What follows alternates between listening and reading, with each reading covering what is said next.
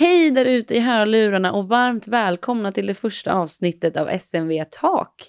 Jag som pratar heter Anina och jag kommer leda er i den här poddserien som vi hoppas kommer bli intressant att följa. Och varför ska man då lyssna? Jo, men har man ett intresse för HR eller rekrytering, employer branding, sociala medier så skulle jag säga att det här är den perfekta podden att ha i lurarna. Vi kommer bjuda in gäster som delar med sig av sina kunskaper och erfarenheter inom olika ämnen. Men vi kommer även dela med oss av våra kunskaper för att ni ska få en omfattande bild av vad som händer i branschen just nu. Trender, ja, den digitala världen helt enkelt. Så att jag tycker vi kör igång direkt faktiskt.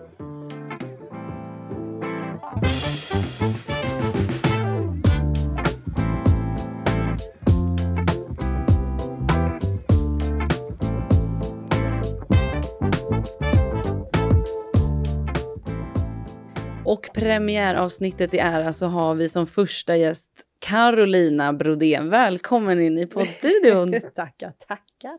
Hur känns det? Hej! Ja, det känns bra. Det känns lite spännande, lite nervöst, mm. uh, lite, ja, vad ska man säga?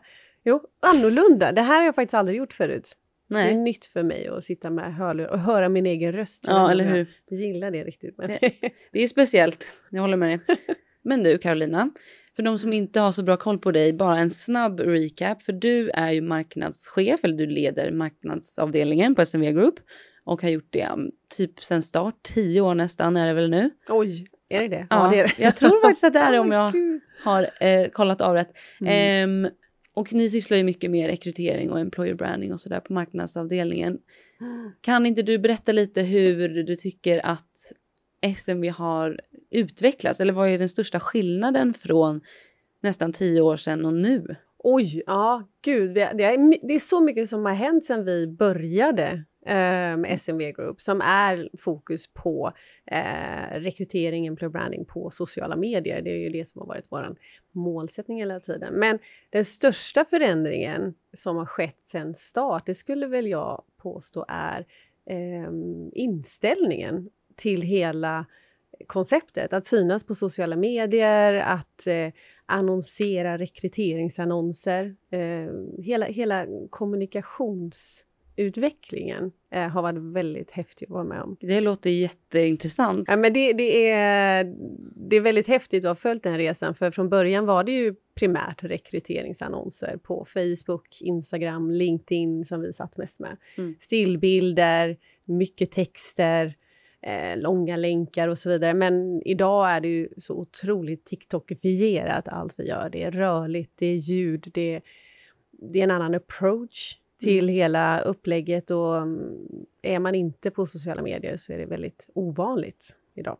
Ja, ja det skiljer sig ju väldigt mycket sen mm. tio år mm. tillbaka mm. då kanske. Absolut. Inställningen och tankesättet. Men nu apropå att synas på sociala medier. Jag vet ju att du jobbar aktivt med eh, det här om att vi synas och visa upp sitt varumärke. Vad är dina tankar om employer branding?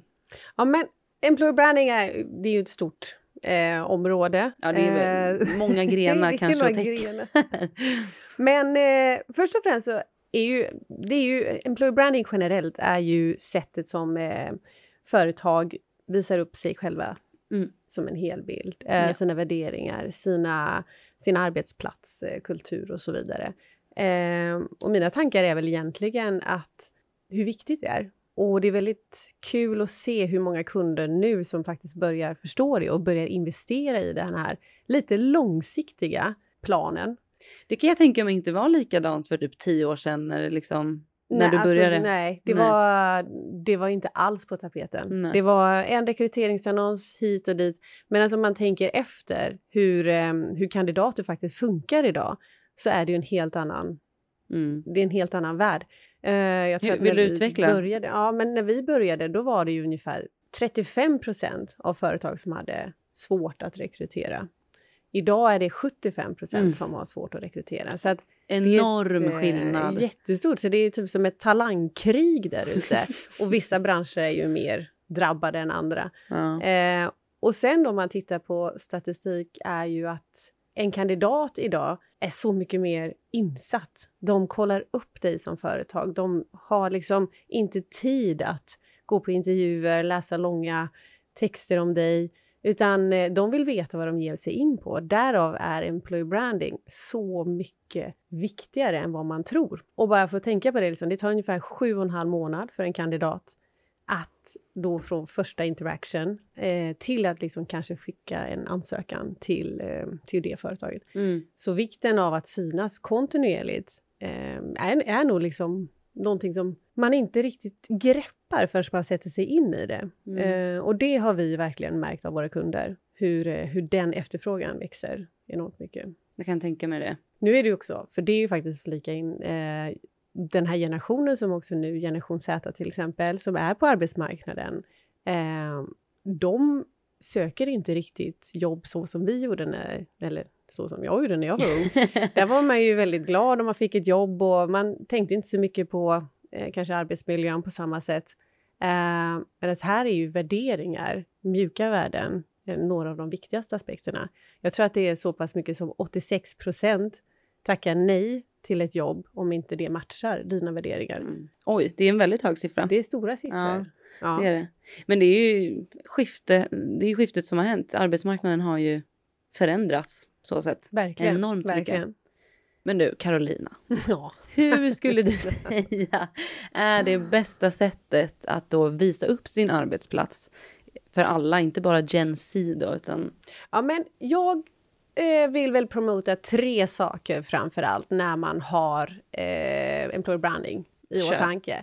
Eh, och då är det ju primärt authenticity. Det är ju A och O. Det, Mm. det märker man nu mycket på grund av TikTok som har skapat den här. Bort med filter, bort med de här fake-bilderna på människor som du inte känner. Eh, Ärlighet eh, och eh, att det ska vara autentiskt. mm, Eh, sen skulle jag väl också vilja påstå att videomaterial har ju vuxit enormt. Det måste vara rörligt. Det måste vara ljud på. Det måste vara levande. Vi har inte riktigt den tiden eller lusten att titta på stillbilder eh, i samma utsträckning idag. Eh, och sen är det employer branding, är ju medarbetare. Det är ju det som är här hela grejen. De är de bästa budbärarna om du ska göra en lyckad employer branding-kampanj. Eh, finns ingenting som slår så hårt som när en medarbetare säger någonting kontra om ett företag säger det. Men du, medarbetarna, de är väl ganska viktiga ändå, va? ja, ja, de är väldigt viktiga måste jag säga faktiskt. Hur skulle du säga att ni jobbar med det? Mm, ja, men vi på SMV jobbar ju primärt med då både employer branding och employee branding. Ah, men du, skillnaden mellan de två då, kan inte du dra det lite Eh, snabbt bara? ja, men, alltså, generellt så är det ju liksom employer branding. Det är ju man visar upp företaget i sin helhet. Ehm, Ja. Det blir ju liksom ja, bilden på hela företaget. Sen är ju employee branding, då visar man upp vilka som jobbar på företaget, hur de är, eh, vad de säger, eh, så att du ska känna en samhörighet. Eh, du ska kunna känna lite, ah, passar jag in här? Eh, är den här personen som mig ungefär? Eh, och du litar ju på en medarbetare på ett helt annat sätt. Och dessutom är du i en specifik bransch, såsom IT-branschen, Mm. så vill ju inte en eh, software developer till exempel höra från en eh, person inom HR att här får du det här och det här. Utan han vill ju höra det från en annan software developer. Eh, vad den personen har liksom sett som de bästa utvecklingarna för honom. Eller Mm. henne. Ja, det blir klart. Det blir ju väldigt mycket närmare, va? Då. Det blir det. Ja. Ja. Och mer credible. Så Mm. det är definitivt en, eh, en stor grej. Men du, eftersom det nu är arbetstagarens marknad idag, som vi diskuterade lite innan, hur jobbar ni för att nå fram till medarbetare eller eventuella medarbetare, talanger i stort? Alltså, vi jobbar ju primärt på sociala medier. Det är ju där vi anser att man når ut till alla så effektivt som bara möjligt. Eh, så mycket tid som man spenderar på alla dessa kanaler är eh, kanske inte hälsosamt alltid. Eh, men det är där man är. Eh, förr så satt man ju inte på några såna typer av kanaler och då var ju annonser och det mesta liksom för att nå ut till människor var ju vilda tidningar kanske eller metro, bussar, spårvagn och så vidare och Arbetsförmedlingen. Och, eh, men nu är det ju, man är på kanalerna, alltså man är på alla de här olika och där är det ju jätteviktigt att vara på rätt kanal för rätt målgrupp. Och Mm. där gör vi mycket research innan eh, för att ta reda på vilken talang söker vi och var är de. Mm. Och sen är det ju också saker som har påverkat hur vi människor funkar och vad vi vill ha. Som jag var inne på lite förut, att det är ju, det är ju verkligen vad ska man säga, arbetstagarens marknad. Och Mm. de kräver mer idag. Du måste kunna erbjuda dem mycket mer work-life balance. Det är ju det är liksom på tapeten överallt nu. Varför tror du att, det, att de är så krävande idag då? Jag tror att dels så kan de ju kanske vraka och välja lite mer. Eh, men sen har ju sådana saker som pandemin påverkat. Mm. Eh, du insåg ju att det var ju ganska trevligt att ha lite flexibilitet, möjlighet att jobba Mm. hemifrån. Du slapp ju kanske pendla till eh, vissa städer bara för att gå på ett möte. Det har ju förändrat hur man arbetar idag. Mm. Man får in mer av sitt privatliv, sitt hemliv, familjeliv i arbetet.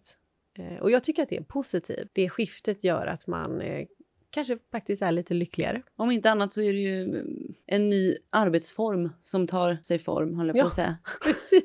Får se det om tio år. Då kommer det ingen jobb. ja. Nej, men jag tror att det är... Generellt så är det...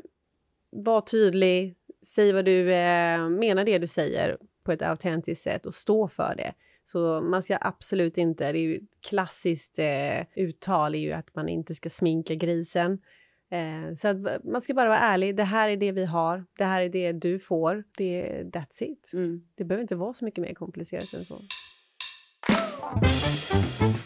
Men du, Jo. kommande, kommande trender 2024. Det vill jag höra dina spaningar eller tankar Mm. kring. Oj, oj, oj. Jag kan ju inte alla trender. Fram med Eh, spåkulan. kommer. Oj, eh, några av de trenderna som vi eh, förutspår, men det är som sagt det är inget skrivet i sten ännu. Nej, det kan Men bara vara spekulationer. Det, det- är intressant att höra ändå. Exakt. Ja, Mm. men vi tror i alla fall, och vi har sett att det kommer ju definitivt öka med poddande bland företag. Ja, titta, här sitter vi nu också. Otroligt. Det är on trend Ja. och det gillar jag. Men eh, nej, företag kommer växa eh, enormt mycket just inom den här då, liksom poddkommunikationen. Mm. För att det är mycket mer tillgängligt för alla. Så det är någonting som kommer växa. Eh, man kommer också vara mycket mer kanalsmart. Man kommer att välja kanaler inte kanske bara för att de är de mest populära, men för att det är de som är de mest effektiva. Och sen kommer vi att förändra hur vi skriver content. Eh, vi kommer förändra hela strukturen egentligen. Vi har eh, nu, tror jag, gått från ungefär 2300 ord per artikel som toppade Googles lista. Mhm. Eh, sen blev det 1447 ord eh, per artikel. Eh, och idag är det ungefär runt 700 ord per Ja, artikel som det är den mest effektiva. I rasande fart neråt. Ja, Ja. Det, det kommer inte vara så mycket ord kvar snart. Utan det bara. Nej. Men eh, det är ju TikTokification som eh, ligger bakom det här. Tän- är det också det här attention spanet? Alltså Mm. man orkar inte läsa. Eh, man vill bara läsa det som är relevant. Eh, jag tror att vi har till och med talat om det förut, hur många snabbspolar till och med Ja, TikTok-videos Ja. idag. För att man inte gud har... ja.